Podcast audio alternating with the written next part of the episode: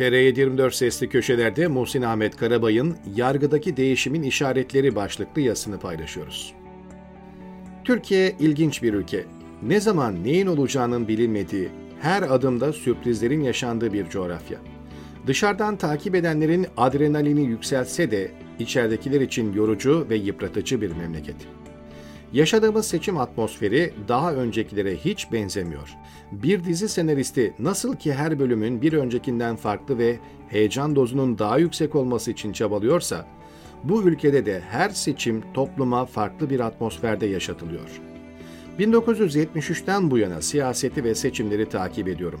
Biraz da bulunduğum ortamın politize olması beni böyle bir takibi yapmaya yöneltti. 14 Mayıs 2023 seçimleri kadar atmosferi farklı olan bir süreci hatırlamıyorum. Türkiye'deki şirket ve organizasyonlarda görev yapan yabancılar bulundukları yapı içinde daha üst görevlere getiriliyor.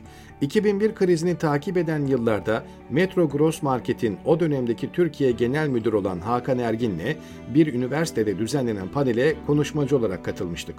Panelde Türkiye'de yaşanan krizlerin yoğunluğu ve sebepleri konuşuluyordu.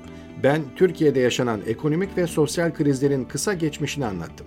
Hakan Ergin de krizlerin en büyük mağdurunun gençler olduğuna dikkat çekip onlara bu krizi fırsata çevirmeleri yönünde önerilerde bulunuyordu. Kendisi Türk vatandaşı olan Ergin, bir yabancı açısından Türkiye'nin fırsatlar ülkesi olduğunu anlatmaya çalıştı. Sonra da bir yabancının başka ülkede ancak 10 yılda yaşayabilecek farklı olaylara Türkiye'de bir yılda şahit olabileceğine vurgu yapmıştı. Bu durumun kişiye müthiş bir deneyim kazandırdığını ve uluslararası başarı getirdiğini söylemişti. Hakan Ergin'in anlattıklarının çok doğru tespitler olduğuna zaman içinde defalarca şahitlik ettim. Ancak ülkedeki ortam dışarıdakinin adrenalini yükseltse de içeridekilere farklı duygular yaşatıyor. Yaşanılanlar insanları daha gergin, daha mutsuz, yarınlar olan güvenini yitirmiş bir toplumun fertlerine dönüştürüyor.''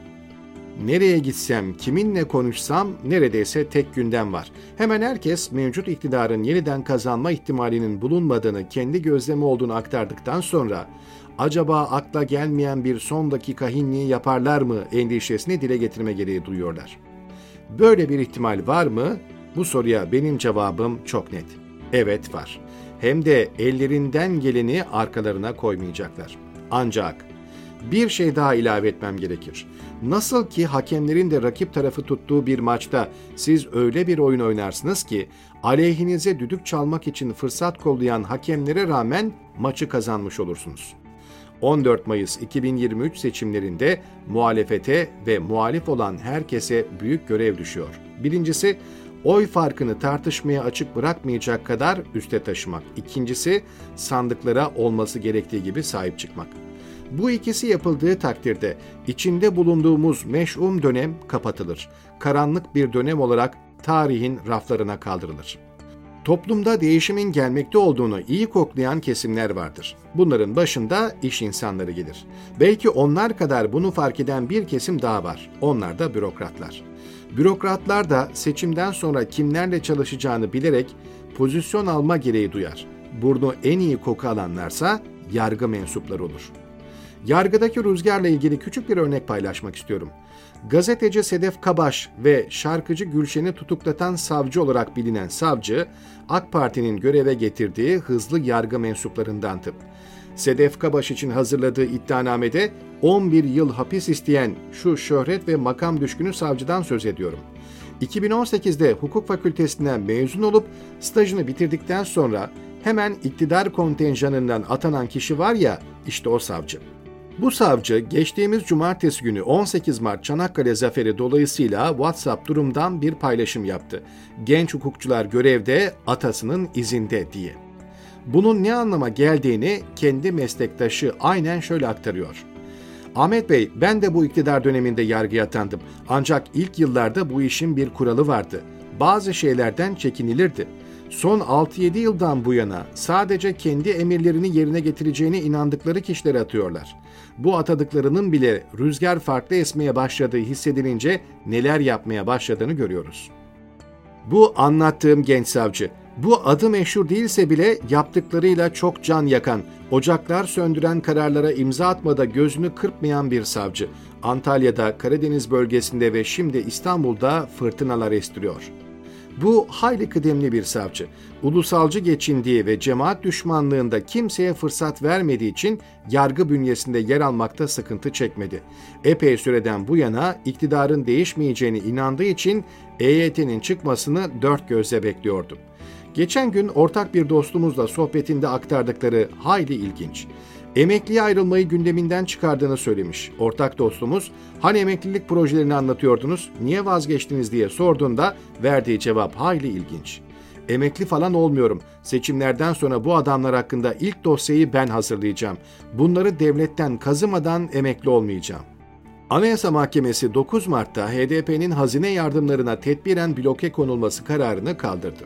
Kritik karar 7 aleyhteki oya rağmen 8 üyenin kararıyla şekillendi. Buraya kadar olanlar Anayasa Mahkemesi'nin normal işleyişi içinde cereyan etti. Ancak bundan sonra yaşananlar hayli ilginç. Gazeteci Seyhan Avşar Halk TV.com'da önemli bir bilgi aktarımı yaptı. Cumhurbaşkanı Tayyip Erdoğan, bloke kararının kaldırılmasından sonra bazı Anayasa Mahkemesi üyelerini bizzat arayıp hesap soruyor. Erdoğan telefon konuşmasında Anayasa Mahkemesi üyesine size çok güveniyordum. Hesaplardaki blokenin kaldırılması yönünde nasıl oy kullanırsınız diye çıkışıyor. Muhatabı da konuyu sadece hukuki zemin çerçevesinde değerlendirip kararını aldığı cevabını veriyor. Erdoğan'ın hukuka nasıl müdahale ettiğine dair bugüne kadar çok şey duyduk okuduk. Bu olayda bir ilk var. İlk kez yargı mensubu biri Erdoğan'ın söylediklerine karşı sözler sarf ediyor. Dahası bununla da yetinmiyor ve diyaloğu medyaya aktarıyor. 27 Eylül 2021 tarihinde Türkiye yıkıldığı yerden ayağa kalkıyor, Anayasa Mahkemesi'nin adımları iyi okunmalı başlıklı bir yazı yazmıştım. Bu yazıma epey eleştiri gelmişti. Fazla iyimser ve ham hayal peşinde koştuğumu söyleyen dostlarım olmuştu. Değişim rüzgarlarıyla birlikte yargı da farklı bir yolculuğa kendini hazırlıyor.